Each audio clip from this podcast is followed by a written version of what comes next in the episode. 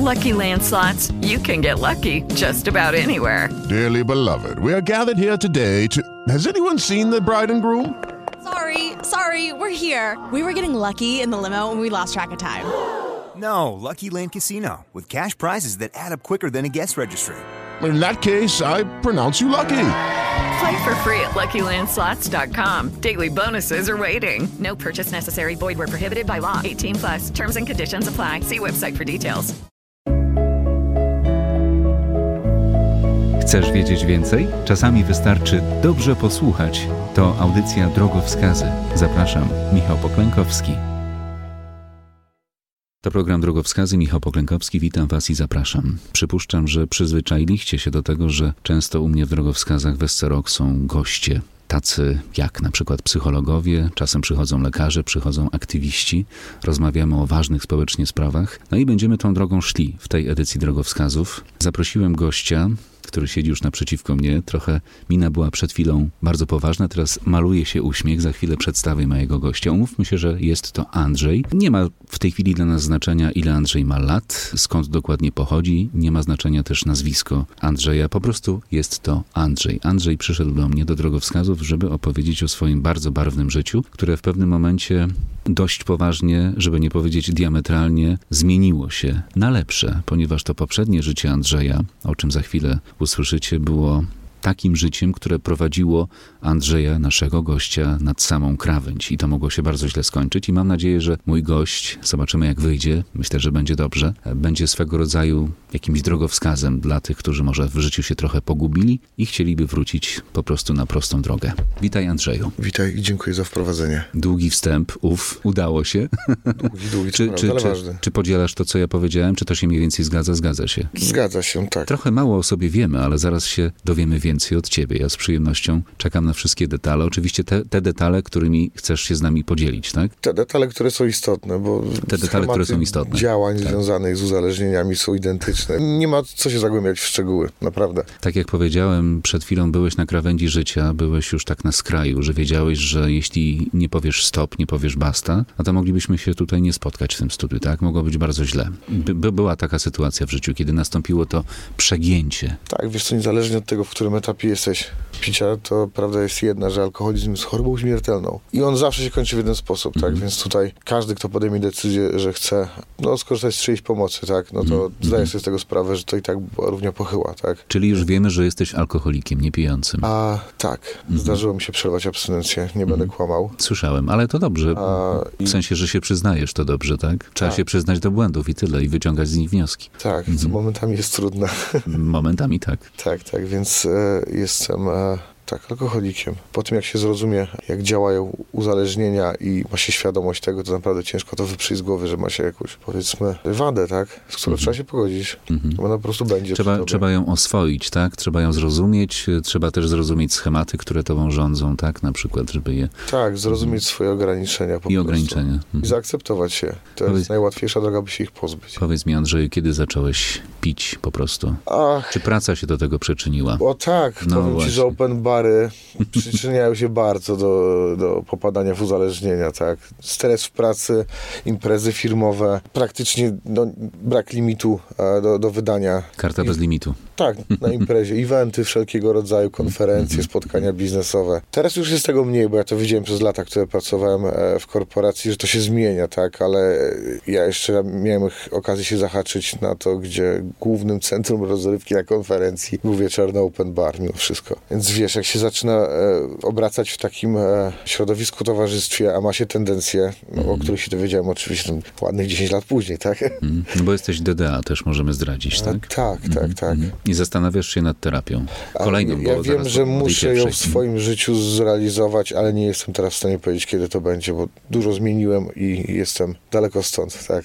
Właśnie mówisz, mówisz Andrzeju, dużo zmieniłeś, bo to, to już nie jest żadną tajemnicą, bo przemyciłeś już e, informacje na ten temat, że pracowałeś kiedyś w korpo, po prostu pracowałeś w korporacji. tak, Mm, byłem Czy możemy coś powiedzieć? Właśnie. Mhm. Byłem handlowcem w korporacji, szeroko pojętym handlowcem, możesz to nazwać account, możesz to nazwać, nie wiem, mhm, to jest partner manager. Miałem target do wykonania i trzeba było go zrealizować, więc e, tak, pracowałem w korporacji przez ładnych parę, parę lat. Doszedłem do prawie 10. Tam zaczynając od niskiego stanowiska, po prostu skończyłem jako key account menadżer, handlowiec, jak zwał, tak zwał, tak. I e, był to moment, w którym absolutnie przeceniłem siły na zamiary. Jeżeli chodzi o, o, o moją osobę, źle podszedłem do pracy, do organizacji jej z czego sobie teraz zdaję, znaczy dałem sobie sprawę wtedy, jak skończyłem pracować z korporacją. Tam dobiegłem do, do końca w korporacji, bo po prostu wypaliłem się zawodowo. I miało to miejsce mniej więcej 3 lata po tym, jak rozpocząłem terapię, czyli jak przestałem pić alkohol.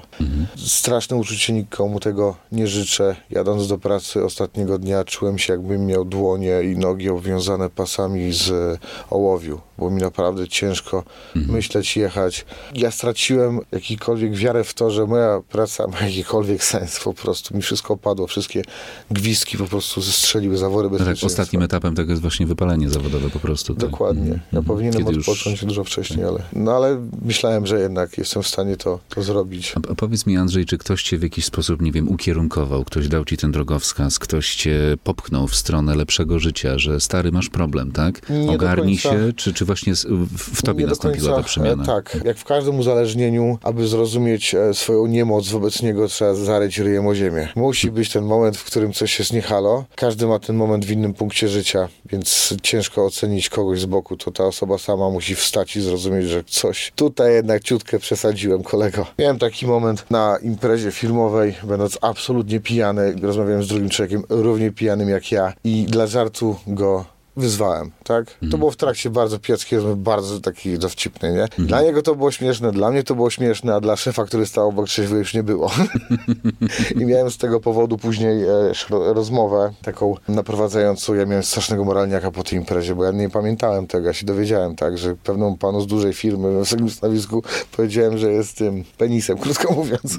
nie? Wiesz, sprawa się wyjaśniła, wszystko było okej, bo on powiedział, że nie ma żadnego problemu, luz, byliśmy obaj wcięci, nie? Ale mi to zaczęło dać tak, dało tak poważnie do myślenia, że to, to już było to lekkie przegięcie i jednocześnie miałem w pracy bliską mi osobę, która na taką terapię uczęszczała już jakiś czas, tak? Więc e, zacząłem po prostu z nim rozmawiać. To był mój pierwszy kontakt z ideą pójścia na terapię, to było przejście do kolegi i tak gadać, tak się to kończyło na tym, że gadaliśmy tak po godzinkę dziennie o życiu, o wszystkim, tak? Ale wszystko się kręciło wokół terapii, tak? I, i takie półroczne rozmowy przekonały mnie do tego, że dobra, pójdę, spróbuję. Poszedłem na terapię, miałem trzy spotkania z terapeutką swoją i na trzecim spotkaniu powiedziała, że no to czy pan chce wziąć udział, to trzeba podpisać, że będzie pan e, rezygnuje z używek. Taki list. Pierwsze pytanie najpopularniejsze w tym momencie każdego uzależnionego, to czy mogę wziąć to do domu, poczytać i się zdecyduję i wrócę, nie?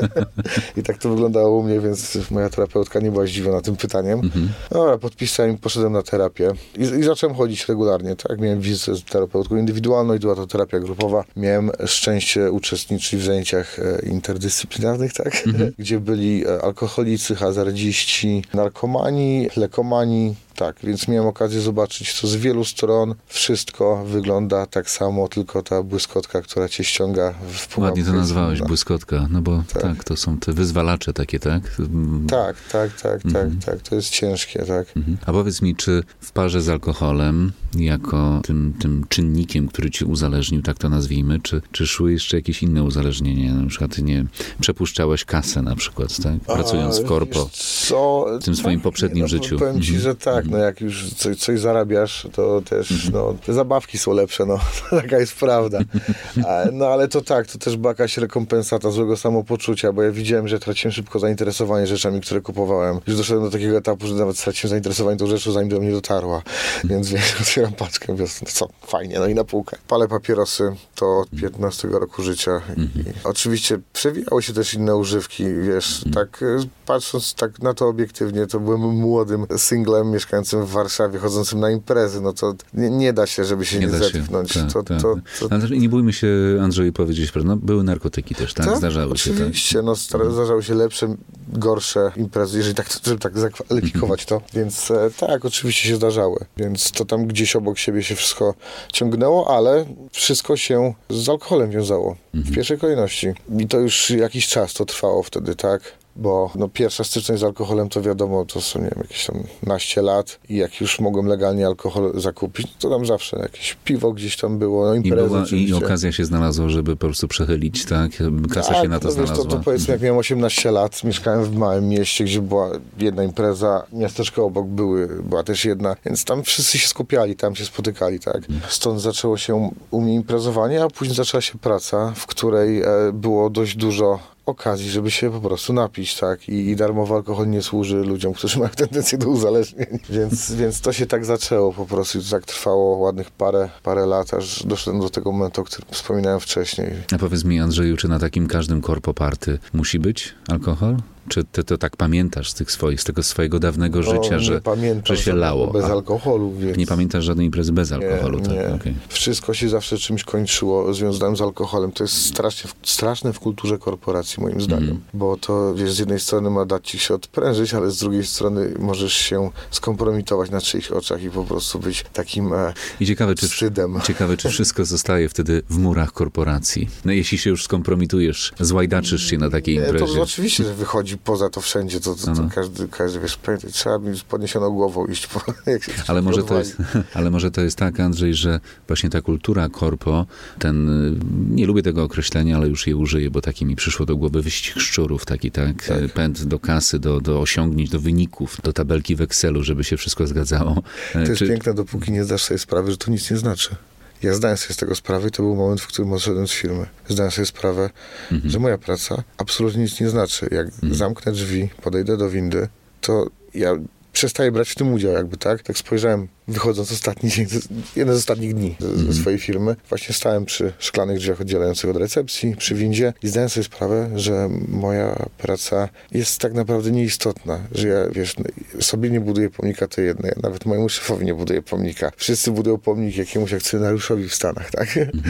Ktoś nawet naocznie, naocznie zobaczył. I zrozumiałem, że to, to nie ma sensu. I mi się poskładało w głowie wszystko do kupy, to, że ja, ja nie czułem się nigdy aż tak dobrze w tej pracy, w tym miksu, ale na to złożyło się wiele czynników związanych właśnie tam z alkoholem, z depresją, z różnymi stanami emocjonalnymi, które miałem i które właśnie leczyłem alkoholem. Wtedy mi się to złożyło do kupy. To jest straszne uczucie, jak sobie zdajesz sprawę, że twoja praca nic nie znaczy i też nie polecam nikomu. Aczkolwiek było to uczucie, które mi dało znak, że już czas zrobić krok. Tak? Ja byłem wypalony zawodowo, poszedłem odpocząć na 6 miesięcy na zwolnienie lekarskie i naprawdę odpocząłem. Odparowywałem przez pierwszy miesiąc, chodziłem przeszczęśliwy, bo po prostu YouTube. Puszczały mi wszystkie nerwy. Ja to fizycznie czułem, tak, te objawy somatyczne, o których Znaczy po mówiłem. prostu byłeś wykończony fizycznie i psychicznie, tak? Tak, w parze. objawy somatyczne, o których mówiłem, ciężkie ręce, nogi, po prostu odeszły. I zacząłem po prostu odpoczywać. Widzisz, Andrzeju, e, dlaczego o tym powiedziałem, o tym alkoholu, właśnie, który jest e, typowym zjawiskiem na korpo imprezach, korpo party, bo jeszcze raz przypomnę słuchaczom drogowskazów, że, że Andrzej w pewnym momencie swojego życia rzucił pracę w korporacji, że tak wysoki poziom stresu jest em, akurat w tym charakterze pracy w korpo, że ludzie po prostu wieczorami na tych party, na tych imprezach, które czasem są dzień w dzień, tak, bywa, bywa i tak, że oni muszą w jakiś sposób się, Tak. wiadomo, znieczulić, tak, i, i, i bez tego nie ma ruchu żadnego, tak? Ani w lewo, ani w prawo. Właśnie z- też, żeby nie generalizować, bo miałem wielu kolegów, którzy, czyli koleżanek, którzy już będąc swoje lata w tej pracy, potrafili się do tego zdystansować, nie brać udziału w tych imprezach, po prostu pracować w inny sposób. Więc się dało, tak? Nie, nie można tego generalizować, aczkolwiek kiedyś to było bardzo mocne, a to teraz mocno cichnie e, Okej. takie podejście, że interesy załatwia się przy alkoholu, bo to jest bzdura. Wiesz, Jak bo- jesteś bo- nawalony, to i tak nic nie Tak, pamiętasz. ja, ja, ja słyszałem tutaj, będąc w studiu od e, uznanego, znanego, cenionego seksuologa, z którym rozmawialiśmy sobie o kryzysie męskości nie tak dawno temu, że mm, miał w swoim gabinecie terapeutycznym takie osoby z Mordoru warszawskiego, tak? I to nie tak dawno temu. I to nie jeden raz, które w celu e, jakby odstresowania się, zrelaksowania, zamiast iść na lunch, coś zjeść, tak? To mm, odrywały się od biurka, galop na parking podziemny, albo nawet i taki odsłonięty na świeżym powietrzu i szybki seks na przykład, tak? Przepraszam za wrażenie numerek na parkingu i wracamy z powrotem do Excela, do naszych to tabelek. Jest, wiesz, to jest potrzeba tego, aby y, zasięgnąć nagrody w, w stresie, nagrody, którą się Mhm. sobie ustanowiło w postaci jakiejś używki, tak? To jest prawda, tak? To chyba PZ śpiewa, że im większy interes, tym większa butelka, nie? Więc tak to wygląda. Aczkolwiek tak, tak, to, to, to zaczyna się robić mechanizmem w pewnym momencie, że stres jest e, u ciebie regulowany alkoholem. Czy to kokainą, czy to, no heroina już jest coraz mniej popularna na szczęście. W każdym razie używką, tak, czy to seksem, czy to słodyczami. I tego się nawet nie zauważa w pewnym momencie. Zdajesz sobie sprawę, naprawdę po wielu latach, to wiesz, ostrzeganie, że nie uważaj, bo wpadnie, to nic nie daje. Tak jak mówiłem, trzeba samemu zaryć, tak? To może być gorsze bądź mniejsze uderzenie, ale to jak ty odczujesz, to, to już zależy od ciebie, tak? Czy już w końcu zaczniesz rozumieć, że coś jest nie tak, że coś cię jednak mocno ogranicza, a nie, nie uwalnia, tak? Bo alkohol jest strasznym depresantem. To jest chyba jeden z największych depresantów, jakie są dostępne na rynku bez recepty, zobacz nawet.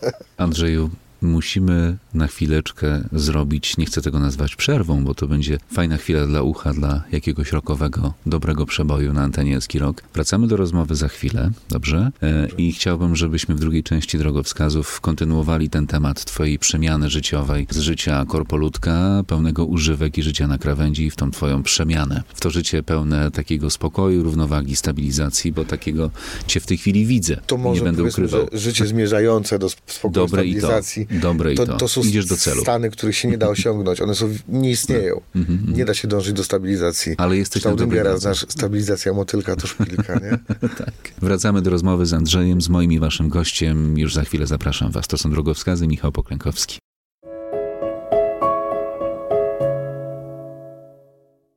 To program Drogowskazy. Wracamy z Andrzejem, moim dzisiejszym i waszym gościem, Michał Poklękowski. Witajcie ponownie. Witajcie ponownie. Mm, Andrzej to człowiek, e, bardzo się cieszę, że zechciał do mnie przyjść do, do studia. Andrzej to człowiek, jeśli słuchaliście pierwszej części naszego programu Drogowskazów, to człowiek, który zmienił diametralnie swoje życie, pracował w korporacji w Warszawie, był trochę na krawędzi życia z powodu licznych używek, z powodu życia takiego imprezowego, z powodu życia takiego z wysokim stresem, który tem pracy w korporacji, prawda, towarzyszył nieustannie, dzień w dzień. To się nazywa. To no. High Functioning Alcoholics, HFA. Jak dobrze nie jest to dobrze powiedziałem po angielsku, ale są alkoholicy wysoko funkcjonujący. Wysoko Tak, funkcjonujący. chodzi jak w zegarku i wali jak w zegarku, krótko mówiąc. I przyszedł taki moment w życiu mojego i waszego gościa Andrzeja, że postanowił to życie zmienić, odzyskać jakąś równowagę, wyjść na prostą, po prostu być szczęśliwym człowiekiem. Jest teraz na tej drodze. Andrzeju, prawda, jesteś niepijącym alkoholikiem. To już mamy Tak. też ustalone, Tak. ujawniliśmy w pierwszej części. I wyszedłeś w pewnym momencie z korporacji, rzuciłeś to wszystko. Teraz robisz coś, co lubisz, co daje ci pieniądze, co daje ci trochę swobody. Nie musisz przebywać w open space.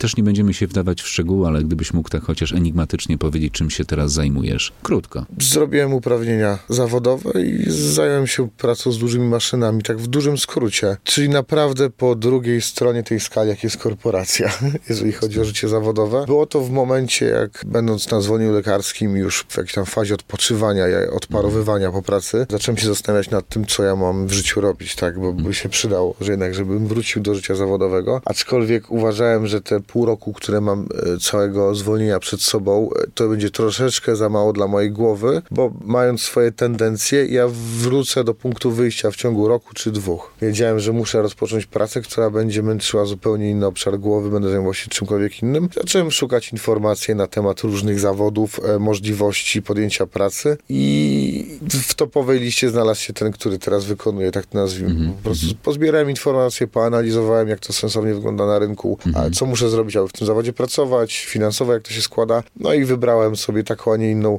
To drogę. znaczy, to znaczy nie jest to już korporacyjny open space, którego tak szczerze nie, lubisz. Nie, nie, nie, nie, to jest absolutna odwrotność. Ja w pracy jest bardzo dużo czasu spędzam sam, więc mam czas, żeby odpocząć, skupić się na pracy, pomyśleć, czyli tak Mhm. jeszcze, jeszcze swojej głowie musiałem dać ten rok, dwa, trzy odpoczęcia, tak, żeby mi się w głowie już na tyle ustabilizowała świadomość tego, co ja chcę robić, żebym mógł też bardziej obiektywnie podejść do mojej poprzedniej pracy, do, do oceny jej, tak, żebym mógł stwierdzić, co tak naprawdę tam ja nie umiałem zrobić, dlatego teraz jestem na tym etapie, gdy już wykonuję ten nowy zawód, po prostu wyjechałem z kraju, szczerze mówiąc, za, za lepszymi pieniędzmi jeszcze, mimo że te w kraju nie były takie złe. I dalej się teraz zastanawiam, jak swoje życie dalej zmienić, bo e, zdałem sobie sprawę z takiej rzeczy, że jak otworzysz jakieś drzwi, że nie chcę, żeby to zabrzmiało zbyt górnolotnie, ale tak jest prawda. Jeżeli otworzysz jakieś drzwi, żeby sprawdzić, co jest za nimi, czy jest życie poza korporacją, nie? to nagle się okazuje, że jest. I że jest tego sporo do wyboru. To jest zupełnie inna praca w wielu aspektach.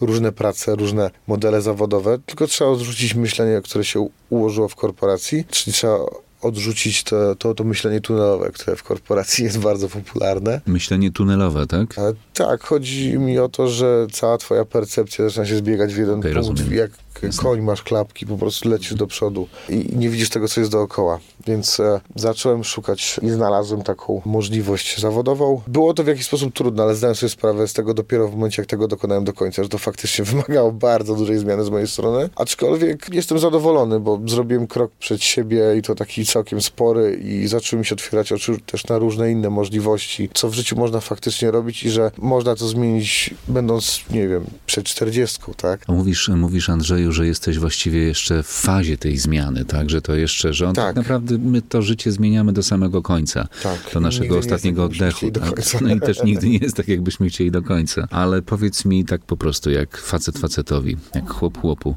No. Czy możesz powiedzieć z czystym sumieniem, że nie wiem, jesteś szczęśliwy, czy, czy jesteś spokojny, może inaczej, tak? Bo do szczęścia to może jeszcze trochę czasu musi upłynąć, ale czy odzyskałeś taką równowagę, taki spokój, rzucając używki, rzucając imprezy, alkohol, To narkotyki? Tak, może dlatego wypowiem się właśnie w momencie tej fazy um, poterapeutystycznej. Tak, tak, po terapii, bo jesteś po, Po terapii, bardzo, tak. po bardzo długiej terapii. Tak, jesteś. jestem Mhm. po terapii, która trwała 3 lata. Trzy lata. Mhm. Były to 3 lata regularnego jeżdżenia na zajęcia, plus odbywanie terapii z terapeutą indywidualnym. I niezależnie od tego, czy ktokolwiek, kto mnie słucha, ma potrzebę pójścia na terapię ze względu na uzależnienia, Mhm. polecam każdemu pójść chociaż raz do terapeuty, jak ma się 30 lat i powiedzieć, sprawdzam. To bardzo wielu rzeczy można się o sobie dowiedzieć. Tylko Mało wiesz, obiektywnie Wiesz, ja tutaj często w studiu drogowskazów goszczę Andrzej naprawdę znakomitych terapeutów, terapeutki. Z tego, co wiem, z tych rozmów, z tego, co pamiętam, z tych edycji drogowskazów, to, to często jest tak, że ludzie zwyczajnie bronią, boją się, wiesz, to jest też wstyd, tak, że mam problem, ojej, muszę szukać, zwłaszcza faceci, mam problem, muszę szukać pomocy, nie, no to takie niemęskie, iść się mazać, teraz przed kimś dać sobie wyprać mózg, ale jednak czasem naprawdę bez terapii ani rusz. To może nie kwestia tego, że to nie męskie. Wydaje mi się, że to jest e,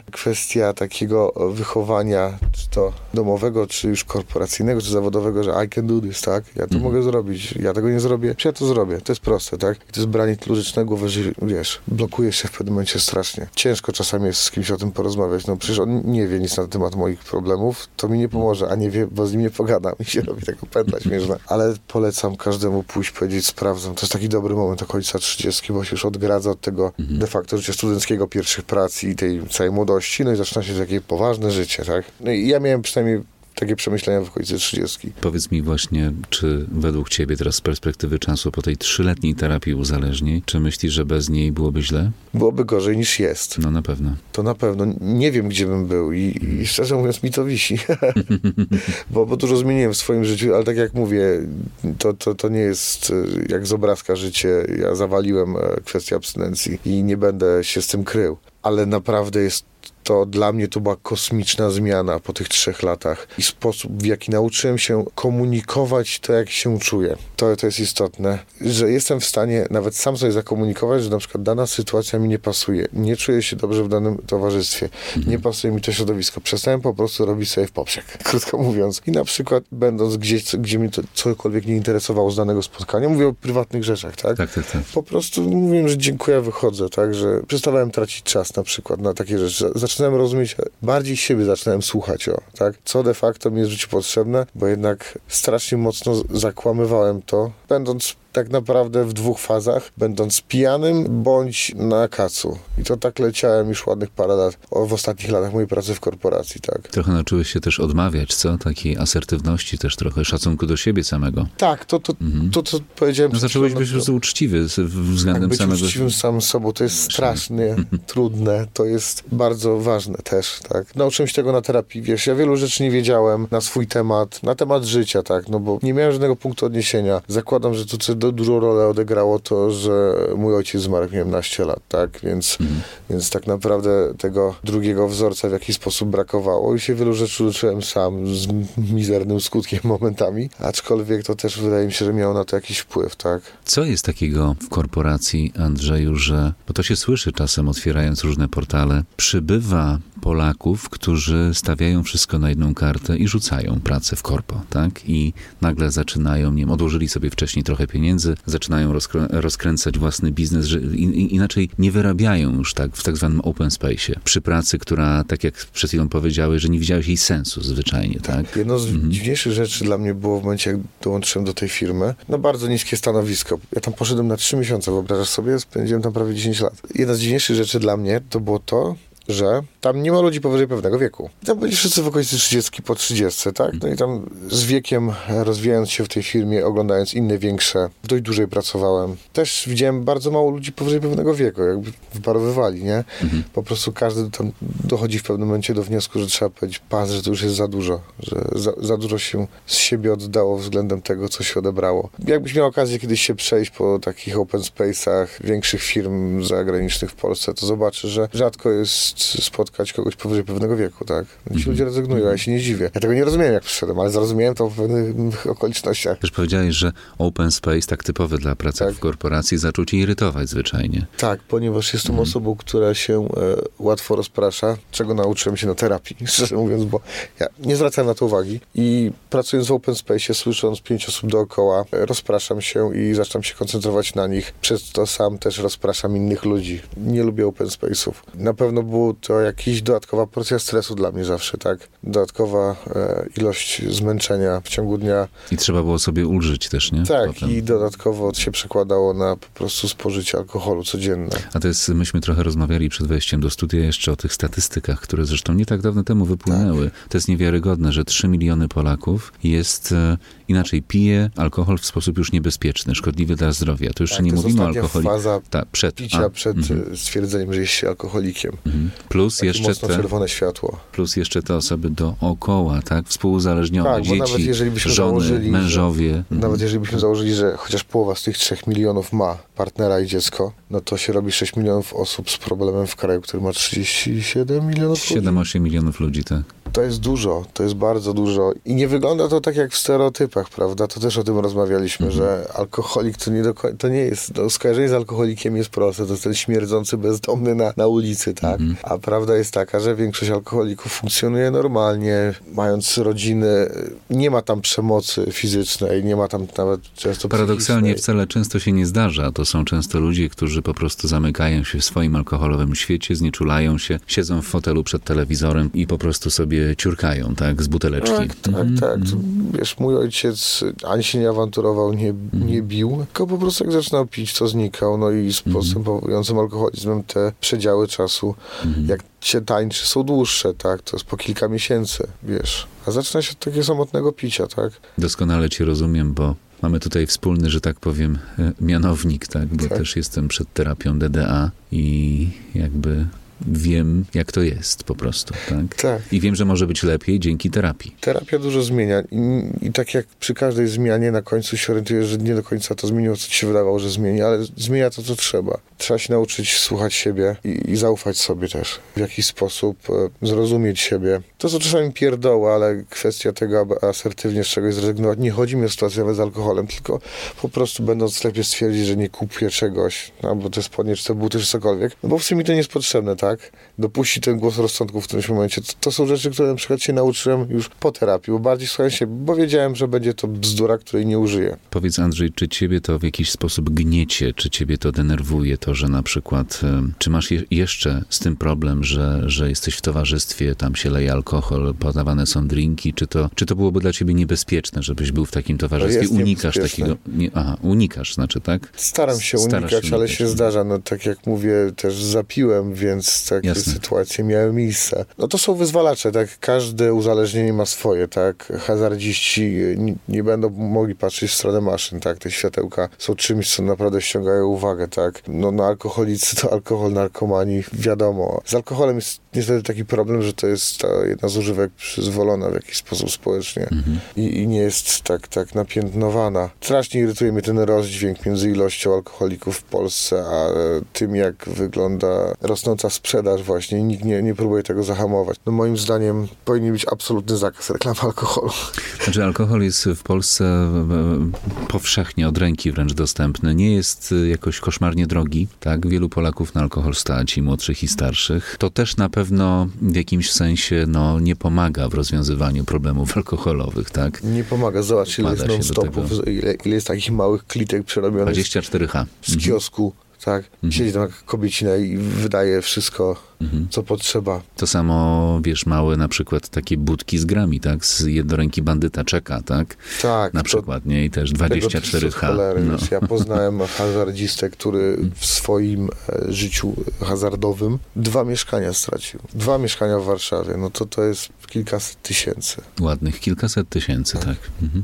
I facet był bardzo spokojny, pogodził się z tym. Go widziałem na koniec terapii, ja go poznałem, jak on kończy. A widzisz, czyli też w końcu zauważył, że jest problem, tak? Że może sobie już totalnie zniszczyć życie. No tak, tak, Mhm. wiadomo, ta, ta granica jest dla każdego inna. Dla jednego to będą mieszkania, dla drugiego to będą dwie wypłaty i krzyk żony, tak?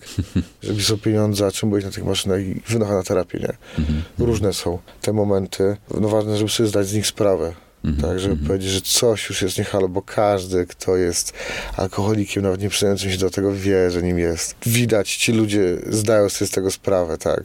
Ja rozmawiałem z wieloma alkoholikami na terapii, przed terapią i takimi nieświadomymi, to oni mimo wszystko wiedzą, że coś jest nie tak, że ta granica już jest daleko z tyłu. Czyli do momentu, kiedy al- alkoholik, zanim przystąpi do klubu, tak? Zanim przystąpi, on wypiera. On wypiera, nie ja skąd, ale ja nie piję. Tak, musi ale- nastąpić ten moment taki krytyczny, kiedy on w końcu do niego dociera, tak? Że, że jest problem, że pije w nadmiarze, że niszczy sobie zdrowie psychiczne, fizyczne, wszystko dookoła tak naprawdę, jakby de- dewastuje wszystko dookoła, rodzinę na przykład, tak? Tak, ale chciałbym jeszcze wrócić No. do początku twojej wypowiedzi No a propos wstąpienia do. Ja nie byłem na 12 krokach. Mhm. byłem na e, spotkaniach anonimowych alkoholików i Mhm. moja terapia wynikała z terapii NFZ-owskiej w ośrodku Mhm. e, leczenia uzależnień, tak?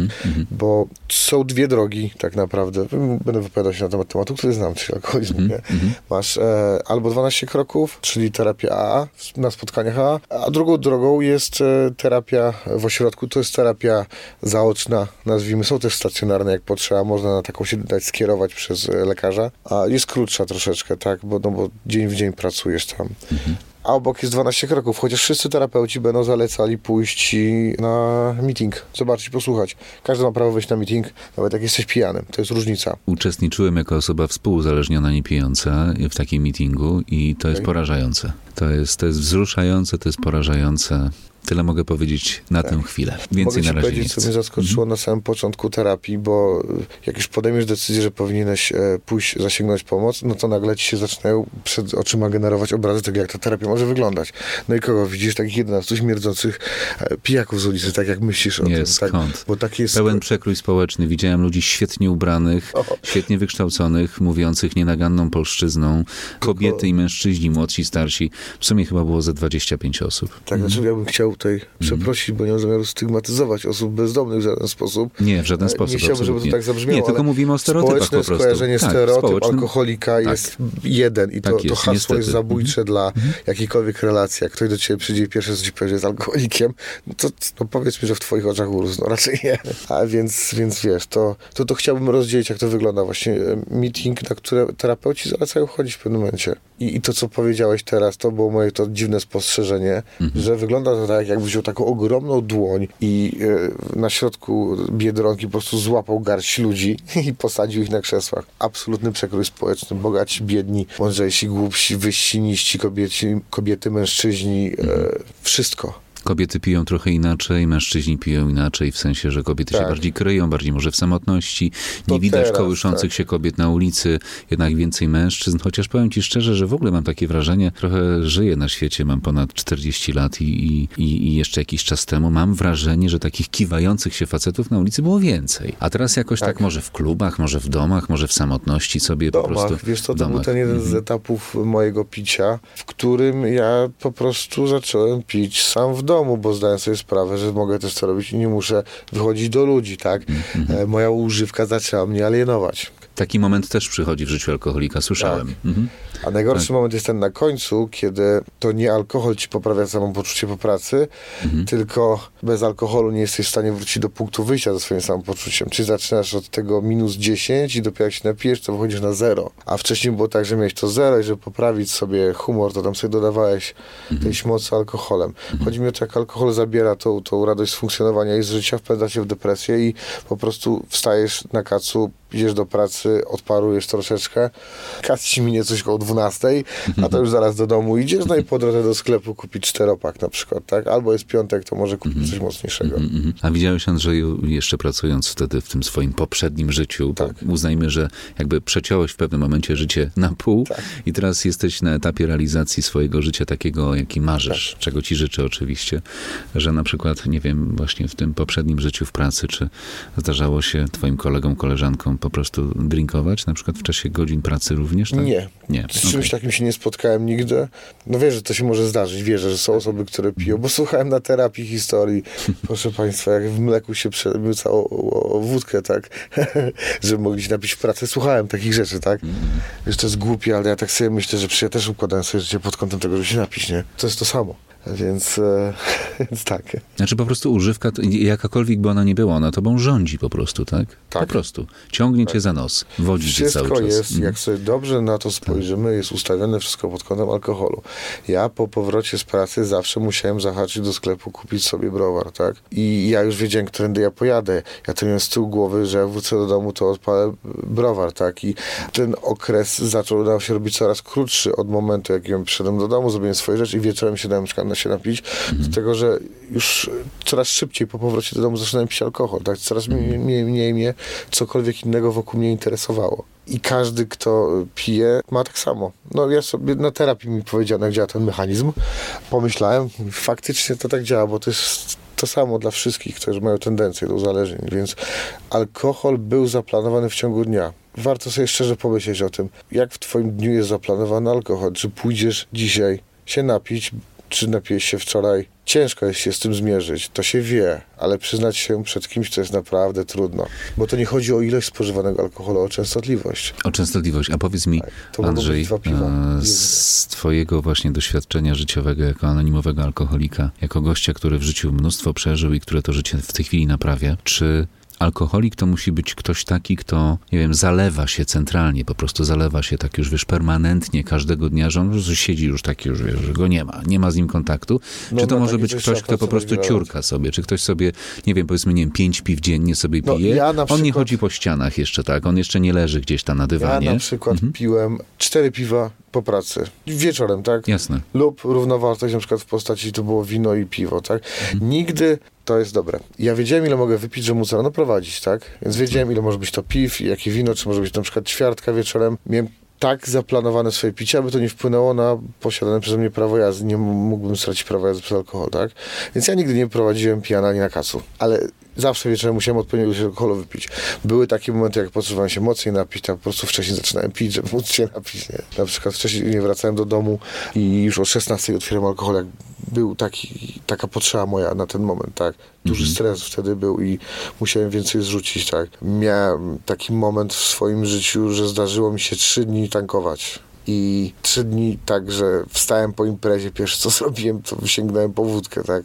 I to byłem sam wtedy, tak. To było po mojej imprezie urodzinowej. Miałem jeszcze chwilę wolnego, tam przy okazji czegoś nie pamiętam. I po prostu wszystko, co mi zostało po imprezie, a kupiono mi mnóstwo alkoholu, po prostu za zakończyłem, co było tam dostępne.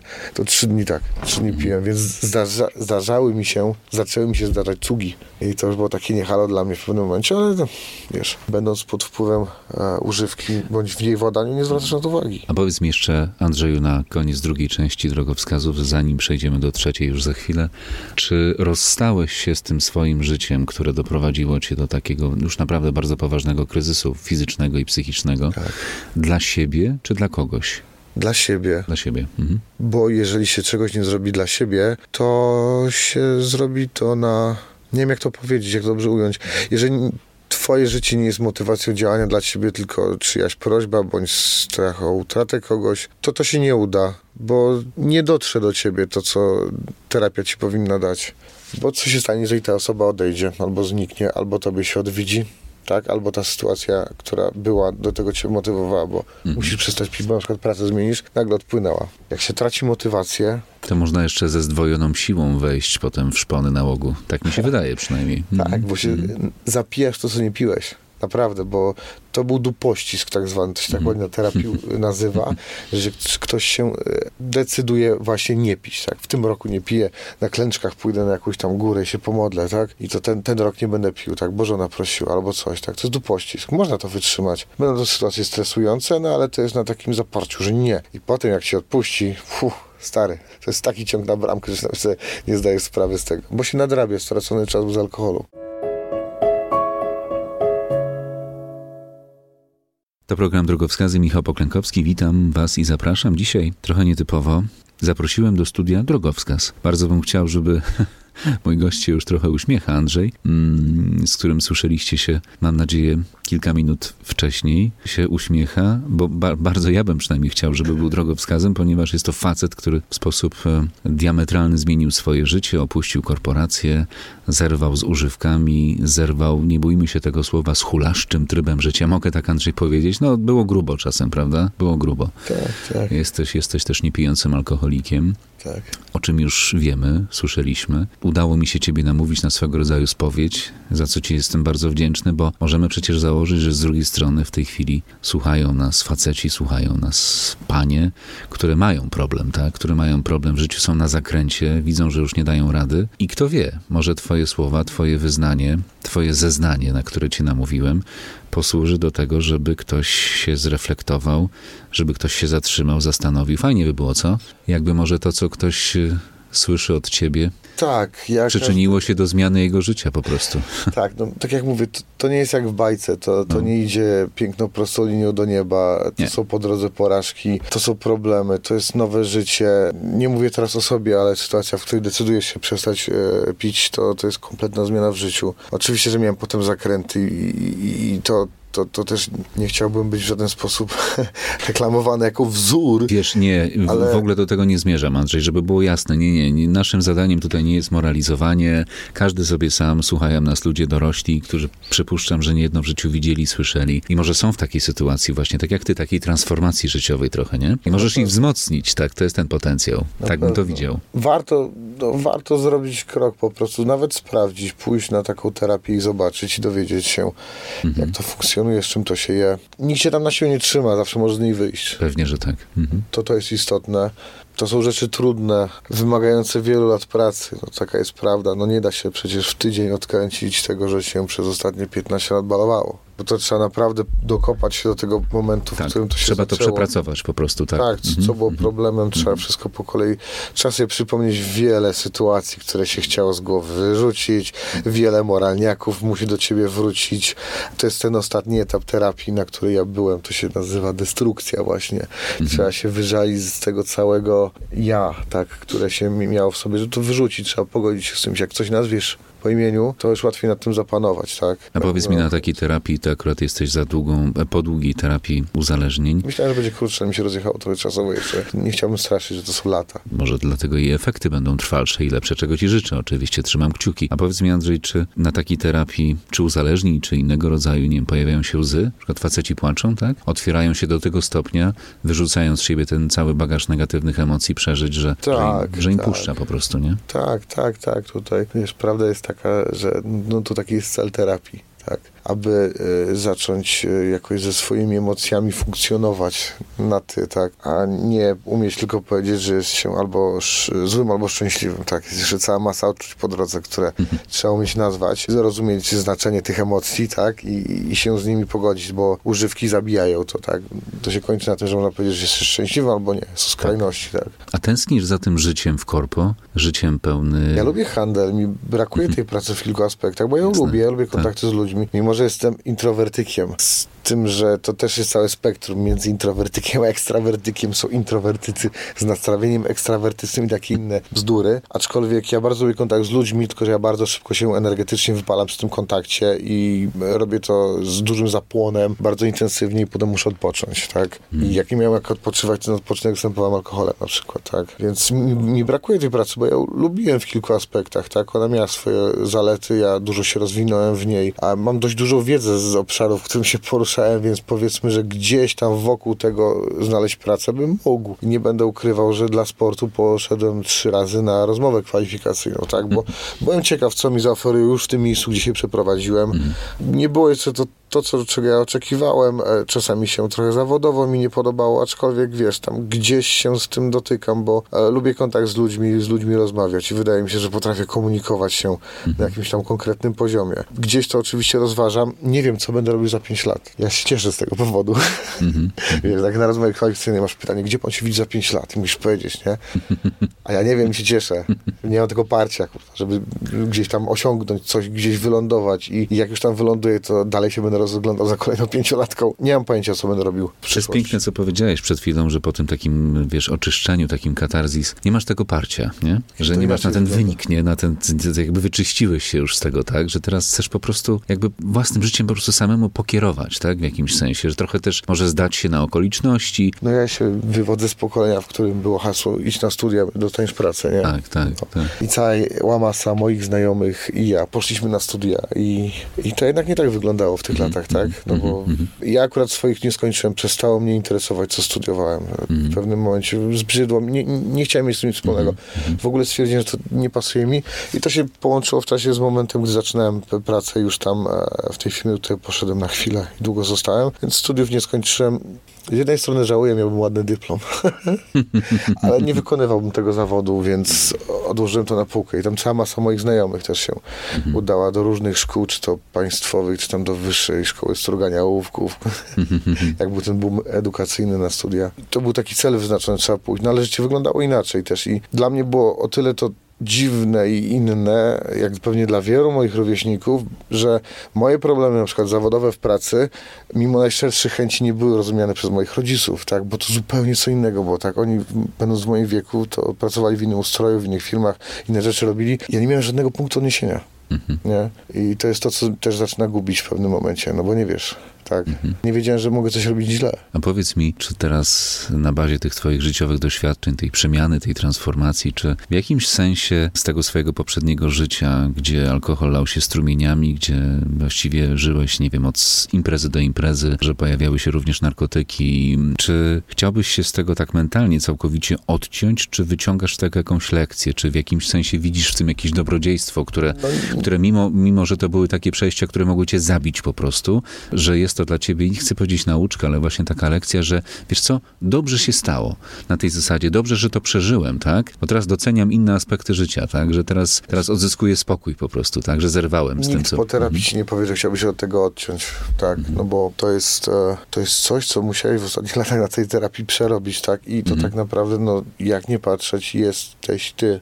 Tak? To jest ten moment, w którym trzeba się ze sobą pogodzić, zaakceptować swoje ży- życie, swoje wybory, swoje problemy. Pomijając sytuacje stricte związane e, z nałogiem, to wszystko, co wokół się działo, to trzeba pamiętać. No, to była decyzja, którą podjąłeś bazując na ówczesnej sytuacji i nie należy sobie tego wyrzucać, tak? Bo odcinając się będziesz sobie wyrzucał. To, to jest cel, e, wyrzuc- cel odcięcia, tak? Wy, wyrzucenie tego. Nie da się tego zrobić. To zawsze jest w głowie. Ja będę do końca życia pamiętał swoje decyzje, swoje sytuacje i czasami zaczynam, wiesz, jak na siebie krzyczę, że jestem głupi, tak? Że idiotą byłem w pewnej sytuacji, to zaraz się hamuję i mówię, stój, to było.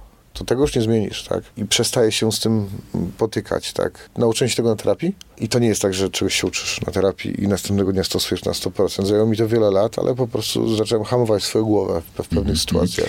Wiesz, bo tak się zastanawiam trochę głębiej, że gdybyś tak właśnie to swoje poprzednie życie, które mogło cię zabić, tak, że gdybyś tak, nie wiem, no nienawidzę tego życia, to też w jakimś sensie znienawidzisz siebie, no bo to była część twojego życia, mimo że ona była pełna porażek, błędów, e, jakichś wypaczeń, krzywd, które też, nie wiem, bo też krzywdziłeś może kogoś z otoczenia, nie tylko siebie, tak, bo to mogło towarzyszyć, tak, temu twojemu życiu, tak? Trochę Każdy na doszuka krawędzi. się No takiej właśnie. sytuacji w swoim życiu. Więc trzeba No. to po prostu wziąć na klatę, tak, i, i zaakceptować, wyciągnąć z tego jakieś wnioski i nie znienawidzić tego życia, bo Nie, nie, znienawidzisz siebie. Nie można, Mhm. bo trzeba pamiętać, że w tym życiu też dzieją się, się rzeczy dobre, tak? No, W tym etapie to jest przemieszane, tak? Twój alkohol ci towarzyszy. W sytuacjach ważniejszych, lepszych, przyjemniejszych też był i nie wszystko w twoim życiu było związane z alkoholem, chociaż się wokół tego alkoholu kręciło, więc tak nie, nie da się wybiórczo odrzucić piątku, środy i niedzieli, nie? Z tego tygodnia. Tylko no to tam gdzieś egzystowało. To też w ten sposób też się uczysz, co jak na co wpływało, tak? I patrząc wstecz na siebie, widzisz te proste mechanizmy na terapii, których się uczy na początku o, o nagradzaniu siebie, tak? Za, za, za swój trud, za, za wysiłek. Wiesz, ja już wielu rzeczy z terapii nie pamiętam, bo to było już kilka lat temu ładnych i też ona kilka lat trwała. No, aczkolwiek, tak jak powiedziałem wcześniej, że próba bycia szczerym ze sobą, tak? A, akceptowanie swoich em, ograniczeń. To jest cholernie ważne, bo to jest cały cel terapii, moim zdaniem, zaakceptować swoje ograniczenia i nauczyć się z nimi żyć, tak? To jest tak jak z uciętą nogą, ona nie odrośnie. Trzeba pójść logicznie, protezę sobie zorganizować, nauczyć się z nią chodzić i chodzić, tak? To trzeba zaakceptować, tak? Wiesz, i, I tak jak mówię, to nie jest tak, że to jest później już, wiesz, różowe okulary i nic nie ma, to jest praca przez całe życie, bo to ci będzie towarzyszyło do końca życia, tak? Po prostu się jest niepijącym alkoholikiem, albo się zapije i się chwilowo pijącym alkoholikiem z powrotem, potem ma się z tego powodu wyrzuty sumienia. Aczkolwiek, no wiesz, mimo, że to nie poszło w moim wykonaniu tak pięknie, jak powinno pójść książkowo, bo to też nie każdemu idzie, więc też nie należy się nastawiać na rezultat, na targecik, że będzie się miało już złote życie, to będzie trudne. No tak jak życie jest trudne, ale będzie się na to inaczej patrzeć. Wiesz, Z większym dystansem trochę. Tak. Ja e, w kontekście tego, o czym dzisiaj rozmawiamy w tej edycji Drogowskazów, o twoim życiu, o tej przemianie, o tej transformacji. Wiesz, myśmy trochę też o tym rozmawiali, rozmawiali poza studiem, o tych przygnębiających statystykach, o tym, że jesteśmy w europejskiej czołówce, jeżeli chodzi w Polsce, tak, jako Polacy, w europejskiej czołówce samobójców. I zwłaszcza tutaj mężczyźni sobie wyjątkowo często odbierają życie. To aż trudne do uwierzenia, 12 dziennie mężczyzn w Polsce, jakby to rozłożyć na cały rok średnio, tak, odbiera sobie życie dziennie. To jest nieprawdopodobne i tym samobójstwom często towarzyszą problemy związane z alkoholem, na przykład, o którym dzisiaj mówimy. To był, to był twój problem. W jakimś sensie jest z nim do końca życia. Jest bo musisz trzymać, jest i będzie, musisz to trzymać w ryzach, tak, po prostu kontrolować. To jest trudne. To jest Alkohol trudne. To zabija. Do zrobienia. Znaczy, alkohol zabija w taki czy w inny sposób. Jak nie, jak nie samobójstwo, jeżeli jesteś na etapie, że prowadzisz po pijaku, to się rozbijesz, a jak się nie rozbijesz, e, no to cię zatrzymają i, i za to idziesz do kryminału, tak? Ale tracisz uprawnienia do prowadzenia samochodu, tak? Mówimy teraz o pijanych kierowcach w Polsce. To już jest temat na osobny program, tak, Tak, naprawdę. ale z- zauważ jedną rzecz. Większość kierowców, którzy zostają złapani, to nie są ci, którzy w naszym wyobrażeniu społecznym weszli do monopolowego, walnęli setkę wsiedli za kierownicę. To są ci, którzy tankowali dzień wcześniej po prostu. To jest wszystko jest ciężki kac. To, to nie są ci, którzy wsiedli pijani. Bo tak należy to rozumieć, tak? Ale tak, alkohol zabija. e, Czy to samobójstwa właśnie, czy wypadki, czy marskość wątroby, nie? To w dużej mierze przyczyni się do śmierci takiej czy innej. Mnóstwo jest tego. Tam nie ma żadnej zalety. Poza zdjęciem z reklamy, tak? A powiedz mi, Andrzeju, czy ty, mając y, na uwadze wszystkie twoje życiowe doświadczenia, tą, tą twoją przemianę, nie wiem, komuś pomogłeś wyjść z dołka na przykład życiowego, komuś pomogłeś się wydostać z, tej, z tych macek alkoholu, innych używek, czy ktoś, znając twoje życie, twoje przejście, na przykład ciebie poprosił o jakąś wskazówkę, o jakiś drogowskaz po prostu. A nie, nie wiesz co, zdarzyło mi się to nawet ostatnio, szczerze O, mówiąc. I to jest rozmowa, która dopiero będzie czekać w najbliższym czasie e, z tą osobą, bo zadała mi takie pytania, które wskazują, że podejrzewa się o Szuka pomocy po prostu. Tak, tak, tak. I po prostu została przez kogoś skierowana do mnie, żeby mi zadać pytanie. E, Ta osoba wiedziała, zna mnie bardzo dobrze, ale po prostu ktoś jej poradził, że może wprost uderzyć, nie? Więc dopiero będę rozmawiał. A tak to, to nie wiem, nie pamiętam. Zawsze każdemu doradzałem terapię, bo skutek będzie różny, ale na pewno będzie inny niż sytuacja, w której jesteś, tak? I to jest fajne. Tak człowiek coś się zmieni, prawda? Tak, dokładnie. No, mhm. Muszę pewne rzeczy pozamykać w swoim e, życiu. Nie wiem, kiedy to nastąpi. No, zapewne, jeżeli się przyłożę, nastąpi szybciej, nie? Jesteś z siebie dumny? Cokolwiek to nie oznacza? Chyba trudne pytanie ci zadałem. Tak, e, ale e, dumny nie, nie, nie jestem. Znaczy z tego, co osiągnąłeś, z tego, że miałeś siłę, że dałeś radę się tak jakby wyzwolić, tak? Znaczy, byłem, Zmienić o, na coś, pewno nie? odczułem jakąś dumę, jak kończyłem terapię, odczułem dumę, jak robiłem zmiany w swoim życiu. Może to było bardziej zadowolenie niż duma, to jest chyba lepsze określenie. Dobra, kupuję. A, Mhm. I tak, i odczułem to. No, aczkolwiek też e, miałem negatywne uczucia wobec siebie, no bo nie wszystko szło zgodnie z planem w pewnym momencie, tak. Zmiana pracy, zmiana zawodu też spowodowała to, że po prostu tam przerwałem e, swoją abstynencję, że zdarzyło mi się zapić, a to było wynikiem stresu, co każdy alkoholik na terapii się uczy, jakie są wyzwalacze tego, że można. To jest, to jest na przykład śmierć kogoś bliskiego jest bardzo silnym, tak. To jest niemalże pewność, że nie pijąc zacznie pić wiesz, terapia to jest lista instrukcji dla ciebie na życie. To, to, to, to nie jest tak, że pójdziesz do terapii i wychodzisz. Tak, Jestem już. wyterapeutyzowany, już nie piję, ty Wszystko pijesz, już bo wiem, widzę, nie? nic się złego nie wydarzy, tak jest. Mhm. Tak. A to jest lista instrukcji, których się trzeba trzymać. Jeżeli coś zawozi, trzeba zgłosić się po pomoc, czyli pogodzić się ze swoimi słabościami, tak. To nie, nie chodzi o przezwycię- przezwyciężanie ego, jak czasami się myśli, że faceci nie chodzą, bo to ego. To jest po prostu e, spojrzenie w lustro i zaakceptowanie tego, że ja nie jestem takim supermanem, jak mi mówili od mojego dziecka, że być e, powinienem, tak. Że nie wszystko jestem w stanie zrobić. Po prostu. Może się z rąk wysypać, jak się weźmie za dużo. No i okej, w tym momencie już zaczynasz to rozumieć. Jak wiesz, że się posypało, umiałeś to nazwać, to zaczynasz się uczyć, jak to pozbierać do kupy z powrotem, co odrzucić, co jest tam niepotrzebne.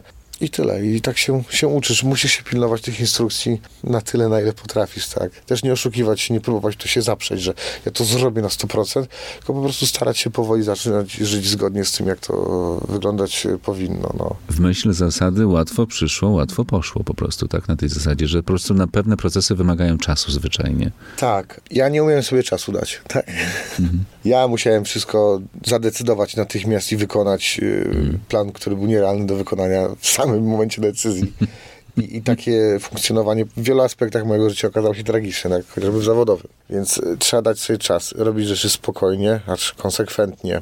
I dać sobie czas to zrobić. Wydaje mi się, że strasznie media społecznościowe to zakłamują, bo jedyne co widzimy to efekt końcowy, który często jest sztuczny. Nieważne co to jest. Znajomi pozują na plaży, tam na Maderze, nie? Ale to, że pięć minut wcześniej się tak awanturowali, żeby się nie pozabijali, tego nie widzisz. Widzisz obrazek. Czyli Prostą drogę do sukcesu, tak? Że tak się da, to, to jest straszne, wiesz? I ja zauważyłem, że u mnie to też właśnie mocno wpłynęło na to, że e, taki podprogowy obraz wszystkiego, że ja mogę wszystko zrobić, to ta propaganda sukcesu, która jest w mediach społecznościowych jest straszna, zabija moim zdaniem, bo, bo nie da się tego zrobić. Zabija prawdę po prostu w Tak, sensie. masz 300 nie? znajomych, poglądasz to Tak. wszystko, co oni tam robią, jeszcze wiesz, siedzisz taki przybity z tym browarem, biorę drugi. Mhm, No, trzeba się odciąć od tego. Niby dążyć do celu, który jest nierealny, tak, bo nie istnieje. Myślę, że każdego dnia może być ten dzień, Andrzej, kiedy to życie swoje właśnie tak przewartościujemy i zmienimy je? Tak, Że na to ma nigdy nie jest za późno, nie ma limitu. Mhm. Absolutnie nie ma limitu. No, będąc na terapii spotkałem osobę 73 lata i stwierdziła, że, że musi tak pójść na terapię. I poszła i skończyła, tak? Więc nie ma tutaj. Im wcześniej, tym lepiej, zawsze, nie tutaj. Ale to, to nie jest tak, że jest za późno. To, to nigdy nie jest za późno, tak? No za późno będzie, jak się przekręcisz. I bardzo tego nie lubię, bo nie chciałbym ciebie też namawiać na sam koniec, na jakiś apel, pod takie górnolotne. Chcemy tego uniknąć, tak? Bo to nie o to zupełnie w tym chodzi. Ja myślę, że twoje wyznanie w tych trzech częściach naszego programu jakby same w sobie może być jakiegoś rodzaju też drogowskazem, instruktarzem do tego, że można przede wszystkim, tak? Tak, jak Że mówiłem, trzeba spróbować. Po prostu, tak Żaden apel nie zadziała. Każdy ma swoją granicę. Ten moment, kiedy musi zaryć Tak. mocno ryjem w glebę. Każdy ma go kiedy indziej, każdy ma go w inny sposób. Więc to apel nic nie da, ale każdy, kto się zbliża do tego momentu, zdaje sobie z tego sprawę. To jestem tego pewien, więc po prostu warto zrobić taki krok. Musi nastąpić ten moment, który ci tam skieruje. No tak jak u mnie mówiłem ci, że najpierw 6 miesięcy gadałem z, z kolegą, który mi opowiadał o życiu, wszystko w kontekście terapii. Tak. Później poszedłem na terapię, rozwlekałem ten start jeszcze te 3 miesiące i jeszcze chciałem wziąć do domu tę umowę i przeczytać na wszelki wypadek, nie? Się ostatni raz napić. Każdy ma swój tryb, czas, tak? Na każdego przychodzi I, pora. i, I to, to też jest ważne, o czym trochę już mówiliśmy tu między wierszami, że to żaden wstyd, żeby się zgłosić do lekarza, psychiatry, do psychologa, do terapeuty. Absolutnie pójście dla mnie na terapię do terapeutki to była najlepsza decyzja w życiu. Jestem tego absolutnie pewien. To jak się to wszystko potoczyło dalej, jak się będzie toczyć, to nie mam pojęcia. Tutaj też parę rzeczy zawaliłem, tak jak mówiłem po drodze już po samej terapii. Ale to była najlepsza rzecz, jaką mnie spotkała. Ja się nauczyłem rozmawiać z ludźmi. I to też nie jest tak, że ja poszedłem na terapię i pierwszego dnia zacząłem gadać jak najęty w skobocacy. Ja zacząłem z moją terapeutką na mój temat, na mój stricte, a nie tego, co mnie otacza i tego, co ja widzę, rozmawiać po roku. Więc wiesz, to też trwa e, wszystko, ale to była najlepsza rzecz, jaką zrobiłem w życiu, tak. Moja terapeutka naprawdę mi bardzo w życiu pomogła. Alkohol jest zabójcą Polaków i zawsze był. No spójrzmy na historię, tak. Tak. Nas zabija alkohol. Straszne to. Ale może być dobrze, bo chciałbym, Jak żebyśmy najbardziej, tak nie zapięli. chciałbym, żeby ten Tak, wydźwięk na dokładnie. koniec Chciałbym, był żebyśmy... tak, powiedziałem. Nie, będzie dobrze, to e, trzeba zrobić ten krok. No, w najgorszym wypadku stwierdzisz, że to nie jest dla ciebie. I tyle. Zawsze jest wyjście, zawsze polecam z kimś porozmawiać. Jeżeli nie pójść na terapię, to na pewno macie wśród znajomych kogoś, kto, kto na takiej terapii był, tak? Albo poczytać, albo się dowiedzieć. Można wejść na meeting. To jest co innego niż, terapia. No, idea jest ta sama, żeby przestać pić. Na meeting może wejść każdy, nie przedstawiając się, posiedzieć i Jasne, posłuchać. oczywiście. A więc polecam też wejść chociażby na godzinę. Zobaczcie, jak to wygląda. Zobaczcie przekrój społeczny ludzi, że ten alkoholik to nie jest ten, co leży na ulicy, tylko to jest ten, którego mijasz w windzie, jak wchodzisz do biura. Generalnie na terapii się uczysz, że to może spotkać każdego, to niezależnie od, od stanu posiadanej gotówki, od e, pozycji społecznej, od statusu, od zawodu, to się przelewa wszędzie różnego rodzaju problemy i, i to, to, to, to nie jest wstyd, bo rozumiesz swój problem i idziesz go naprawić. Jeżeli masz kanałowe w zębie, to nie rżniesz głupa, tylko idziesz do dentysty. To jest to samo. No, to trzeba naprawić, wiesz. I przychodzi ten moment, że rozumiesz, że pomoc już jest nieunikniona i musisz zasięgnąć. Co z tym dalej zrobić, to jest twoja sprawa, ale warto spróbować, moim zdaniem, zawsze. Zawsze warto rozmawiać. O, tak powiem. Dzisiaj rozmawiałem z Andrzejem. Andrzej opowiedział wam historię swojego życia. Mm, Być może ta historia Andrzeja wnioski będą dla kogoś drogowskazem. Byłoby świetnie. Jeśli chcecie, możecie do nas napisać drogowskazy małpa. Czekam też na wasze posty na Facebooku Eskirok. Andrzej, ja czego mógłbym tobie życzyć na tej no, nowej drodze życia? Podpowiedz mi, bo jestem w, rozpaczliwej sytuacji, bo nie mam pojęcia, bo wyglądasz na uspokojonego, mm, szczęśliwego faceta, który wszedł na właściwą drogę, więc nie wiem, nie mam pojęcia. Czego byś jeszcze chciał od życia? Wiesz co, czego bym chciał? E, Więcej spokoju, chyba tylko tyle. To chyba marzenie wielu Polaków, wiesz, spokój, po prostu. No tak, ale to jest sytuacja do osiągnięcia, tak jak ci mówiłem. No ja poszedłem na L4 z korporacji, tak, od psychiatry, papier. Rozmawiałem kiedyś z kilkoma osobami, radziłem im to, żeby udali się do lekarza i pogadali, bo to chyba widzę, że już podobnie się grzałem. Bo nie, no ale gdzie mnie przyjmą do roboty, jak będę miał L4 od psychiatry. No i lepiej się, wiesz, lepiej się zachlać, czy nie?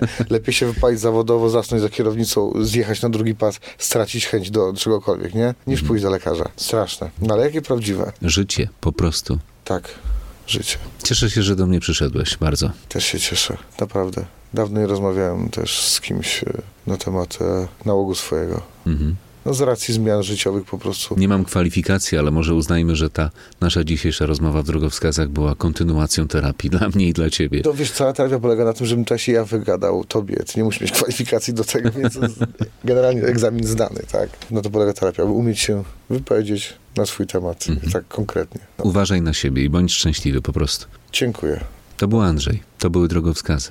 Miło mi. Dziękuję wam. Mi również bardzo miło. Michał Poklękowski. Wszystkiego dobrego, do usłyszenia. Dziękuję.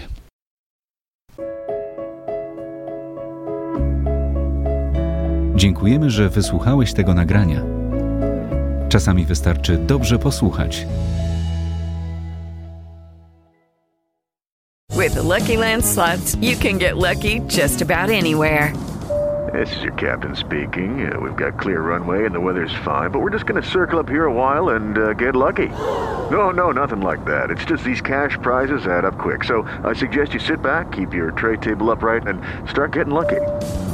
Play for free at LuckyLandSlots.com. Are you feeling lucky? No purchase necessary. Void where prohibited by law. 18 plus terms and conditions apply. See website for details.